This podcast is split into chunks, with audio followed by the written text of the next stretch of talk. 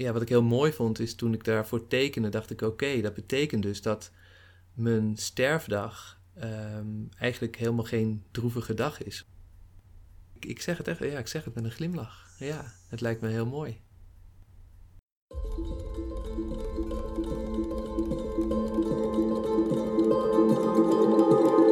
Mijn naam is Rosanne van der Lucht en ik probeer elk jaar een leven te redden. En tot nu toe lukt me dat. In de podcastserie Levensredden ontdek je hoe. Ik geef hierin mijn interpretatie van het boek The Life You Can Save, geschreven door moraalfilosoof Pieter Singer. In elke aflevering bespreek ik een thema en ik doe dat samen met Bram Schaper. En dat ben ik. Ik ben directeur van Stichting Doneer Effectief en ook ik probeer levens te redden en te verbeteren. Iets wat me ten diepste motiveert en waar ik in 2022 zelfs mijn werk van heb kunnen maken. Ik heb net als Rosanne, dit indringende boek ook gelezen en ik denk dat het goed is als hier meer aandacht voor komt.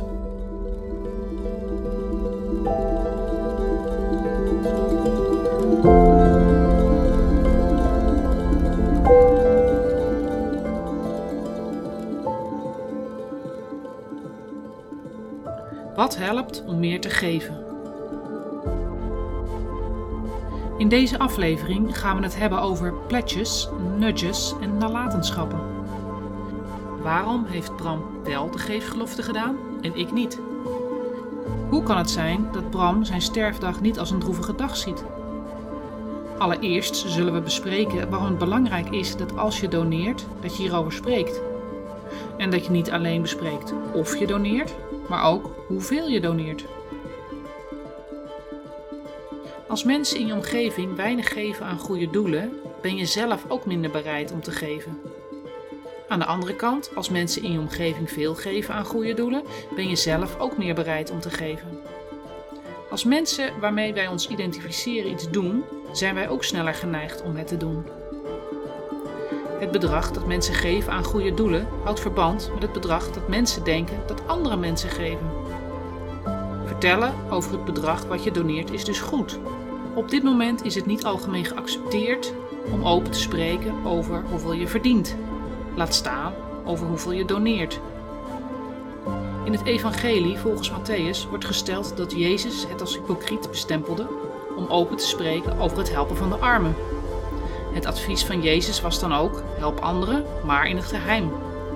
Hierdoor word je niet beloond op aarde, maar wel in de hemel. Het is belangrijk om open te zijn over het bedrag wat je doneert en niet simpelweg over het feit of je doneert. Uit een onderzoek onder Amerikanen met een gezinsinkomen van hoger dan 80.000 euro bleek dat driekwart dacht dat ze meer dan gemiddeld aan goede doelen gaven. In de praktijk gaf driekwart echter minder dan gemiddeld.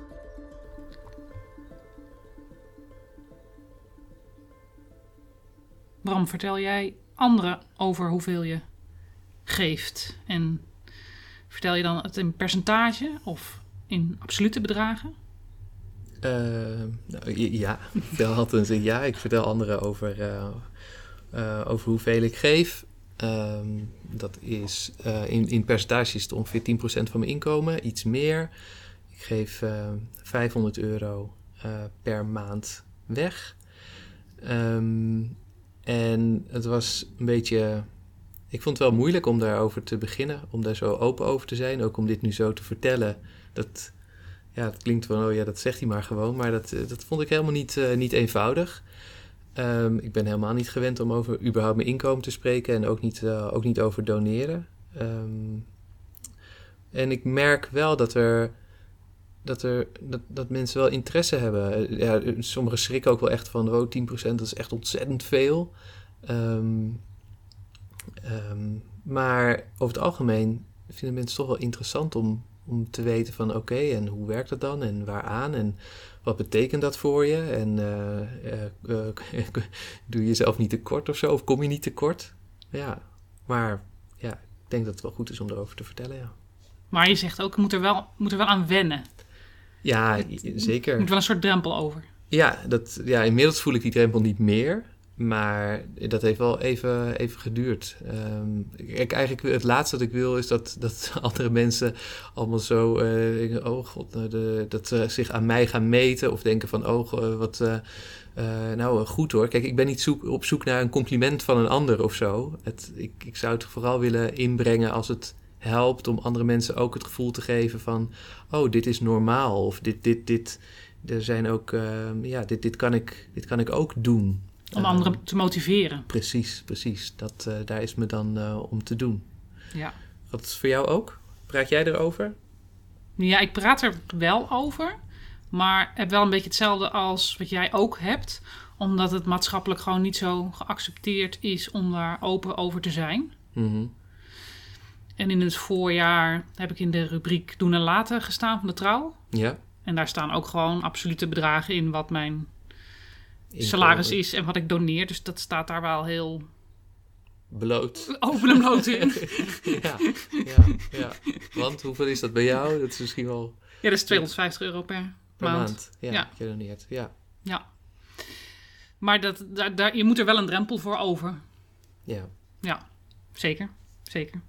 Maatschappelijk is het niet zo eh, geaccepteerd. Nee, nog. Nog niet. Hopelijk wordt dat wel meer. Precies. Ja. Online kun je bij verschillende organisaties een gelofte doen. Mhm. De Giving Pledge is voor miljardairs. De Founders Pledge is voor ondernemers. Ja. One for the World is een organisatie die studenten aanmoedigt om minimaal 1% van het inkomen wat ze na hun studie gaan verdienen te doneren. Op de website van The Life You Can Save kun je een geefgelofte doen. En hierbij kun je zelf het percentage kiezen. Ja. Ook bij Giving What We Can is het mogelijk om een pledge te doen. Ja, die doen de 10% pledge van Ja. je inkomen. Ja, ik had even opgezocht wat de tekst was. De tekst is: Ik erken dat ik een gedeelte van mijn inkomen kan gebruiken om een aanzienlijke hoeveelheid goeds te doen. Omdat ik goed kan leven op een kleiner inkomen, beloof ik dat ik voor de rest van mijn leven, of tot op de dag dat ik met pensioen ga, tenminste 10% van wat ik verdien zal geven aan de organisaties die het het meest effectief kunnen gebruiken om het leven van anderen te verbeteren, nu en in de jaren die komen. Ik doe deze gelofte vrij, openlijk en oprecht. Oké, hele mond vol. maar het zijn wel mooie woorden. Het zijn mooie woorden. Ja. Een pledge kan een stok achter de deur zijn om te doneren. Mhm. Jij hebt de pledge, oftewel de geefgelofte van Giving What We Can gedaan. Dus dat is degene die ik net voorlas. Voorlas. Ja, Op de dag dat je directeur werd van Stichting Doneren Effectief. klopt. Ja. Waarom heb je gekozen voor de geefgelofte van Giving What We Can? En hoe was het om deze geefgelofte af te leggen? Nou, ik vond het wel mooi. Het had wel een mooie symboliek, vond ik. Ik, ehm, ik wilde sowieso die uitdaging wel met mezelf aangaan om te kijken hoe het is om, eh, om, om 10% dus ehm, ja, meteen van mijn inkomen af te halen en, eh, en te doneren. Dus je bent in één keer Ah, van, even- van 0 naar 10 gegaan? Ja, ik ben van 0 naar 10 gegaan. Ja, ja. En ehm, ik, ik- ja, ik hield daarvoor eh, toch maand na maand na maand altijd geld over.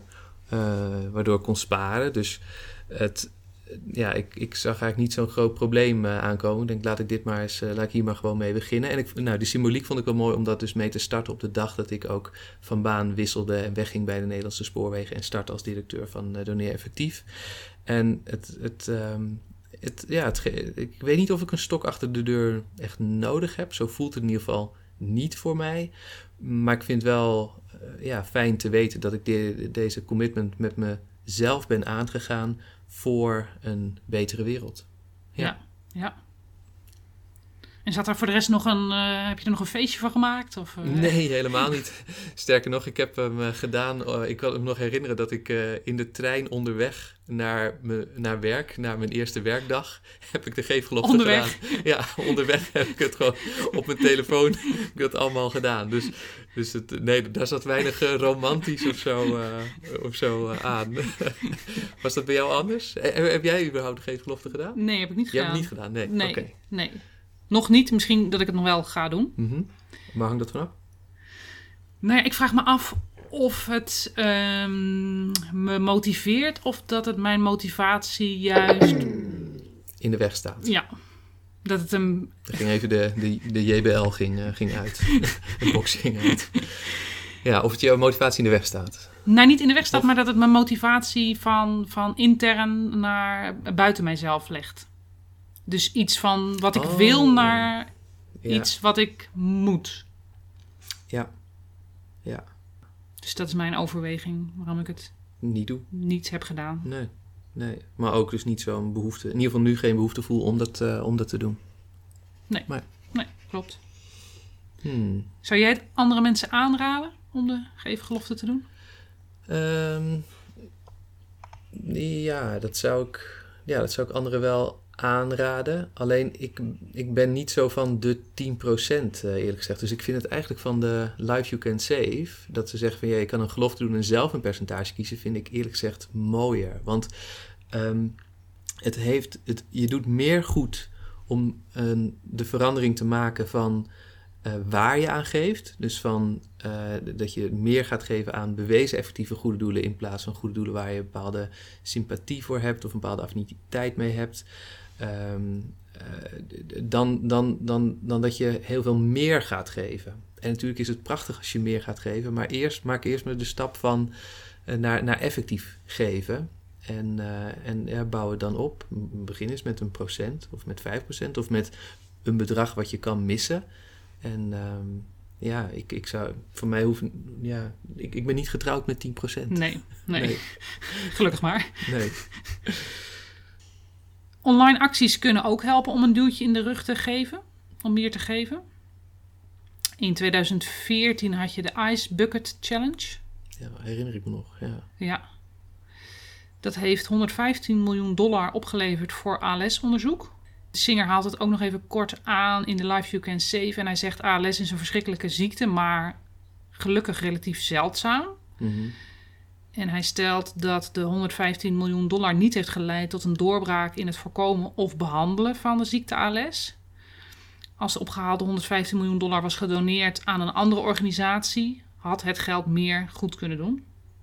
Bijvoorbeeld eh, als het bedrag was gegaan naar Helen Keller International, dan had door middel van vitamine A-suppletie het zicht van 85 miljoen Afrikaanse kinderen eh, beschermd geweest. Mhm. Dus ter voorkoming dat ze blind worden. Ja. Van 85 miljoen Ja. kinderen. Ja. ja. Oké. Heb jij eh, in 2014 meegedaan met de Ice Bucket Challenge? Mm, ik niet. Nee. Nee, nee, nee. Vergelijkbare actie eh, voor een ander goed doel, wel eens Oh. zoiets gedaan? Nou, nee, dat kan ik eigenlijk niet zo herinneren. Maar in die tijd had het ook wel prima gekund. Want in 2014 was ik me überhaupt nog helemaal niet bewust van dat effectief doneren, dat dat concept dat dat bestaat. Ehm, en ja, deed ik dus vooral eh, goed van, voor, met de dingen die op mijn pad kwamen. Of het nou een, eh een eh, fondsenwerver op straat was, iemand aan de deur, of ja, of bijvoorbeeld met Stichting Jarige Job een, eh, een actie of een activiteit, dan, ja, dan was ik daar wel voor te porren. Dus ik, ja, het had ook maar zomaar gekund dat ik wel had meegedaan om voor ALS eh, geld op te halen. Ja. Eh, nu denk ik dat ik dat waarschijnlijk niet meer zo zou doen. Volgens mij heeft Singer het ook nog over wat hij nudges noemt. Ja. Dat het ook een rol kan spelen bij effectief doneren. Wat, wat zegt hij daarover? Ja, een nudge is dus eigenlijk een duwtje in de goede richting. Ja. En uit onderzoek blijkt dat deze bij orgaandonatie zinvol zijn. Oké, alleen bij orgaandonatie? dat lijkt me toch niet. Nee, niet alleen bij orgaandonatie. Oké, maar er was een Nee. onderzoek geweest. Ja, en dat, voorbeeld haalt hij aan. Oh, dat voor. Oké, oké. Wat is dat voorbeeld? Hoe is dat, eh, hoe is dat onderzocht? Twee keer zoveel mensen zijn bij overlijden orgaandonor in Oostenrijk als in Duitsland. En de culturele achtergrond van Duitsers en Oostenrijkers is gelijk. En dan kun je dus afvragen van waarom zijn Oostenrijkers dan twee keer zo vaak orgaandonor? Nou, dat komt omdat iemand in Duitsland standaard geen orgaandonor is. Dus het Mhm. is nee tenzij.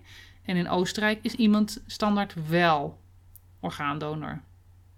Dus ja tenzij. Mhm. Dus dat is eigenlijk een, een duwtje in de goede richting. Het wordt gemakkelijker gemaakt dat, Dat je donatie doet. ja. In dit geval van je organen. Van je orgaan. Regeneratie. Ja. Geen idee. Nou ja, in Nederland hebben we natuurlijk ook uh, Ja. een heel publiek debat over gehad. ja, eh, en is ook aangepast. En het is uiteindelijk ook aangepast hier. Ja, ja. Ja. ten goede van heel veel mensen. Ja. Ja. ja, Maar je zou dat natuurlijk ook kunnen ehm, instellen voor eh, financiële donaties. Oh je bedoelt, eh, houd, houd standaard in van je salaris. Ja.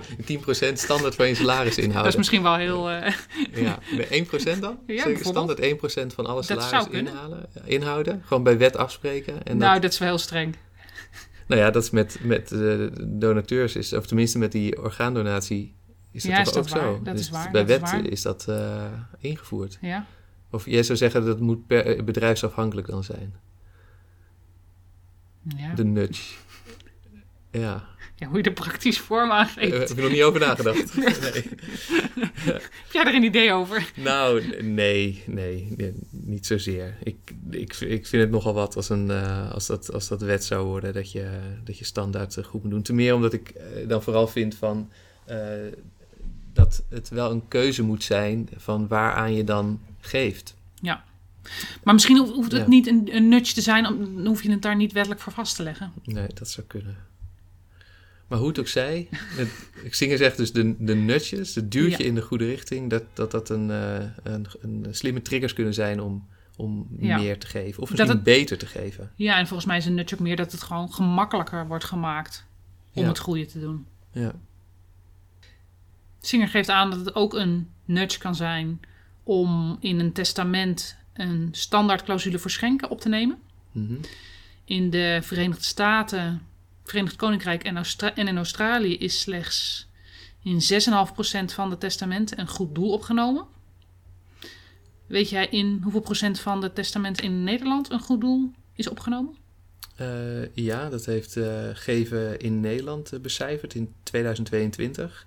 Ehm denk ik goed om te weten dat dan eerst 1 op de 3 van de Nederlanders heeft überhaupt een testament. En bij ons is 1 op de 10 die dan daarin een goed doel opneemt. Eh, dus dat is in feite nog minder dan wat er gemiddeld in het Verenigd Koninkrijk, Verenigde Staten en Australië eh, is opgenomen in het testament. Ja. Ehm, maar op zichzelf is het wel een heel mooie manier om, eh, om, om iets na te laten. Sterker nog, het is ook nog iets wat je vervolgens zelf niet, niet iets voor hoeft te offeren in die zin. Ehm, want dat heb je niet, zelf niet meer in de gaten. Nee. Ehm, ja, dus ik kan me wel voorstellen dat daar een soort standaard clausule voor komt. Ja, ja, en ja. dat je dat standaard wel doet en dat je dat dan kan uitzetten of zo. En net als eh, orgaandonatie in eh, Oostenrijk en Duitsland en inmiddels ook in Nederland. Ja. Er kan nog best wel een tijd tussen zitten. Mhm. Tussen het opstellen van het testament en het overlijden. Ja. Hoe kunnen mensen weten dat op een moment van overlijden dat een goed doel dan, als mensen willen nalaten, een effectief goed doel, dat het dan nog op dat moment ook het meest effectieve goede doel is? Ja, bij, Als het decennia later is. ja nee, dat, dat klopt. Dat klopt. Ehm, die, die vraag krijgen we trouwens re- regelmatig bij Doneer Effectief via, de, via onze helpdesk. We hebben ook iemand die daar, eh, die daar eh, specialist is in nalatenschappen. En ehm, ja, inmiddels hebben we daar dus het, het, de verschillende fondsen voor gemaakt. Dus voor armoede gezondheid hebben we een fonds. Voor klimaat hebben we een fonds. Voor dierenwelzijn en voedseltransitie hebben we een fonds. En dat betekent dat we elk kwartaal met de onafhankelijke wetenschappelijke beoordelaars om tafel zitten om te bekijken waar het geld uit het fonds op dat moment in de wereld het best besteed is. En dat is ook juist voor nalatenschappen, ehm, ja, blijkt dat heel interessant. Ehm, dus er was iemand die, die zei van ja, ehm, eh, als je. eh, als ik, misschien heb ik nog wel 40 jaar te leven voordat het Ja, zover is. Eh, ik, ik zelf heb mijn testament opgemaakt toen ik 37 was. Ehm, ik ben nu 39, dus het, ja, ik heb hopelijk nog heel lang te gaan. Maar ehm, als ik zelf, bijvoorbeeld als voorbeeld, lepra, eh, ehm, de, de Lepra Stichting in mijn testament had opgenomen. Nou, de Lepra Stichting gaat er zelf van uit dat in 2040 lepra niet meer in de wereld is. Dus zij vercijferden zelf dat in 1995 nog een half miljoen mensen eh, nieuw besmet werden met lepra. Uh, maar dat is al jarenlang is dat dalende. Dat is fantastisch nieuws. 2040 een wereld zonder lepra. Maar als ik dan de lepra-stichting in mijn testament zet en uh, in 2000 ver na 2040 dan is dat kom ik lang overlijden, verjaard. ja, dan heeft dat helemaal geen zin. Nog Nee. even los van of het gekozen effectieve doel of het gekozen goede doel op dat moment het meest effectief is. Dus ehm, ja, ik, ik, ik denk dat het zelfs dus heel zinvol is om juist aan, aan een fonds te, eh, na te laten. En is dat ook al voor, voor een kortere termijn? Want ehm testament is natuurlijk pas, nou ja, hopelijk na een aantal decennia dat dat van kracht gaat. Ja, ja. Maar je hebt natuurlijk ook al kortere periodes waarin je eh, kunt doneren, maar die wel bijvoorbeeld eh, vijf jaar. Dat je een Mhm. overeenkomst kunt aangaan om vijf jaar lang een bedrag te doneren. Is het dan ook al zinvol om een fonds op te nemen? Ja, daar kan je zeker ook een fonds op geven. Omdat je dan elk kwartaal wordt er opnieuw gekeken eh, waar het geld het, het best rendeert. Het is eigenlijk net als een soort beleggingsfonds zou je kunnen zien. Ja, ja. Dus voor de Dus wat kortere termijn is dat ook al het, nuttig. Ja, zeker waar. Zeker waar. Ja. Dus zo'n nudge, zoals ja, Singer dat heeft ook over testament, dat vind ik toch een heel interessant, eh, ja, om, om, om, om daaraan te denken. Ook, ja, met een testament misschien juist ook op jonge leeftijd. Ik vind het een heel geruststellend idee. Ehm, sterker nog, het testament opmaken deed mij ook veel meer dan toen ik de, de 10% pledge tekende. Eh, want ik, ik stelde me voor, ehm, en misschien heb ik ook, ook makkelijk praten omdat ik zelf geen kinderen heb bijvoorbeeld. Dus eh, ik, ik, ik laat een deel na aan mijn vrouw. Ehm, maar een, een, ja, een groot deel kan ik ook weggeven. En ja, wat ik heel mooi vond is toen ik daarvoor tekende, dacht ik oké, dat betekent dus dat mijn sterfdag ehm, eigenlijk helemaal geen droevige dag is. Omdat eh, door mijn overlijden eh, er heel veel levens gered zullen worden. Heel veel mensen en eh, levens zullen gered worden en heel veel dierenlevens zullen daardoor gespaard worden. Dus dat, dat, moet, een heel, dat moet een heel mooie dag worden. Maar voor de heel wereld. rationeel. Ja, dat, dat is grappig dat je dat zegt, maar dat is voor mij dus helemaal niet rationeel. Dat, het, voor mij is het, voelt het juist heel, heel, heel mooi. Dat, dat, dat mijn sterfdag dus ook een heel mooie dag wordt. Eh, ondanks dat ik 100, eh 100 wil worden in goede gezondheid. Ehm, maar ik, ik zeg het echt, ja, ik zeg het met een glimlach. Ja, het lijkt me heel mooi. Ja, Ja, ja, ja, ja. Bijzonder. dat is zo. Ja. Denk je dat nalaten aan effectieve goede doelen gemakkelijker gemaakt zou moeten worden? Eh, ik, ik vind het al niet zo eh, moeilijk, eerlijk gezegd. Dus eh, kijk, ik weet zelf niets van, van die eh, juridische teksten en zo. Dus een notaris kan er al heel erg bij helpen. Wat voor mij hielp, is dat ik ehm, aan Doneer Effectief advies had gevraagd om hoe ik dat in mijn testament moet opnemen. En ze haalden zelfs nog een paar foutjes van de concepttekst van de notaris, haalden ze eruit. Ehm, dus daar was ik gewoon heel, eh, heel erg mee geholpen. En ja, nu weet ik zeker dat mijn wens, zoals ik het wil hebben, dat het er ook, ook goed in staat. Ja. En eh, nou ja, zoals ik zei, dat eh, gaat dus naar fondsen eh, voor dierenwelzijn en een fonds armoede en gezondheid. Mooi. Dat is zo. Ja. Hey, en tenslotte, als we het dan nog hebben over wat helpt om meer te geven, zou het zinvol zijn om, om kinderen op te voeden in goed doen en doneren aan goede doelen? Rosanne, wat zegt Singer daar ook iets over? Ja, hij geeft aan dat het goed is om kinderen op te voeden op dit gebied. Mhm. En hij haalt Scott Pape aan. Dat is een auteur van de internationale bestseller The Barefoot Investor for Families. Mhm. En die adviseert het drie spaarpotten systeem. En de drie spaarpotten zijn plezier, sparen en geven. En dat het dus goed is om kinderen daarin ook al op te voeden. Dus dat ze leren dat er meerdere potjes zijn van waaruit ze dingen kunnen betalen. Ja, dus of het nou of ze geld verdienen of, of dat ze zakgeld Ja. krijgen, dat, dat Dat kan verdelen over die potjes. Ja. Oké, plezier, sparen en geven. Ja. Hm. En er is ook een giving game. Dat is een workshop van een uur. En hierin krijgen jongeren geld wat ze dan vervolgens weg mogen geven. Hoe ben je opgevoed wat betreft doneren aan goede doelen? Ehm, nou, bij ons was het wel eh, eigenlijk wat er voorbij kwam, eh, daar deden we aan mee. Dus we gingen vroeger naar de kerk, dus de collect in de kerk, heel normaal. Of de UNICEF-loop, vijf kilometer lopen en dan zorg dat je daarvoor gesponsord wordt en voor elke, elke kilometer een, een kwartje of, of een dubbeltje of zo krijgt. En ehm, voor, voor kinderen in arme landen, zo ging dat toen. En de kinderpostzegels, ook elk jaar het rondje lopen alle en langs. alle deuren langs en dan uh, lief lachen en dan hopen dat je kinderpostzeels kan, uh, kan slijten. Uh, die handje beton, ja, van allerlei acties wel, uh, wel gehad vroeger. En ja, dat, dat was bij ons heel normaal. Dat, daar deed je gewoon aan mee. Ja. Maar, maar dus, dus minder vanuit een bepaalde visie of overtuiging, Ja. maar meer omdat het op je, op je pad komt. En, en als een soort, ja, dat, dat, dat, zo, zo doen we dat. Zo, ja. Ja, Ja. ja, Ja. herkenbaar.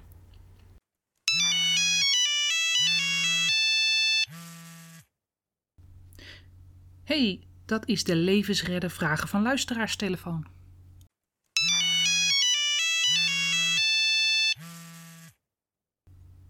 Dit is de levensredder vragen van luisteraarslijn. Je spreekt met Rosanne. Hoi Rosanne en Bram. In de podcast bespreken jullie tot nu toe vooral goede doelen die meetbare resultaten leveren.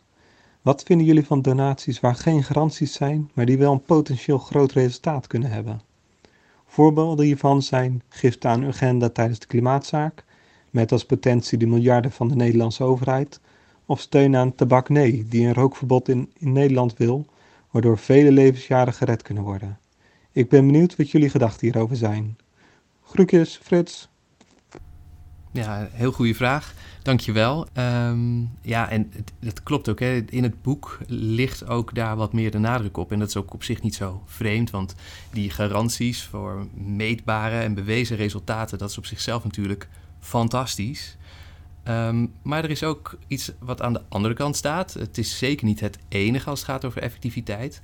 Ehm, want je kan ook kijken naar meer ehm, de kant van de verwachte waarde. En dan kom je inderdaad wat meer op het gebied van interventies die nog, ja, nog de kans moeten krijgen om ook te laten zien dat ze effectief kunnen zijn. En eh, dat zie je ook in die hoek eh, in armoede en gezondheid, waar het boek natuurlijk wat meer de nadruk op legt. Zo is een van de onafhankelijke onderzoeksinstellingen zoals GiveWell ondersteunt ook bijvoorbeeld onderzoek naar eh, malariapreventie via vaccinaties. Nou, dat is natuurlijk heel interessant, want als je met een, een goede, goed vaccin ervoor kan zorgen dat je een ziekte de wereld uit kan krijgen, ja, dan, dan heb je natuurlijk nog veel meer ehm, ja, kans op, op, op impact, op, op echte effectiviteit. Ehm, maar ook in een andere hoek, eh, zoals klimaat, ehm, kan je ook meer kijken naar verwachte waarden.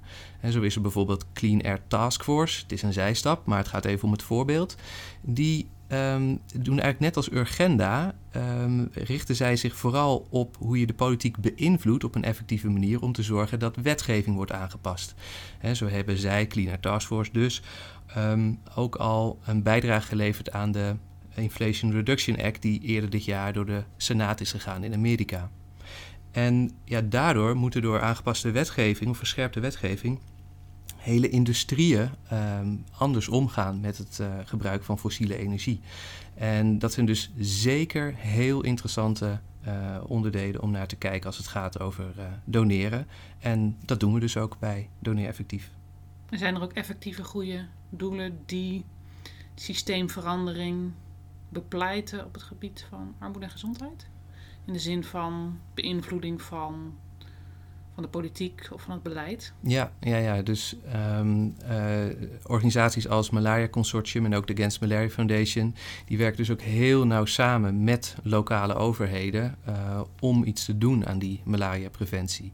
Ehm, dus die, die zijn best bereid om te helpen met filantropisch geld, maar verwachten ook dat de overheid daar zelf iets in, in doet. Um, en ik denk dat dat een hele sterke, ja, dat zou je een hefboom kunnen noemen. Dus een hele sterke kracht is om, om, om, om die energieën te bundelen, om het goede te doen. Ja.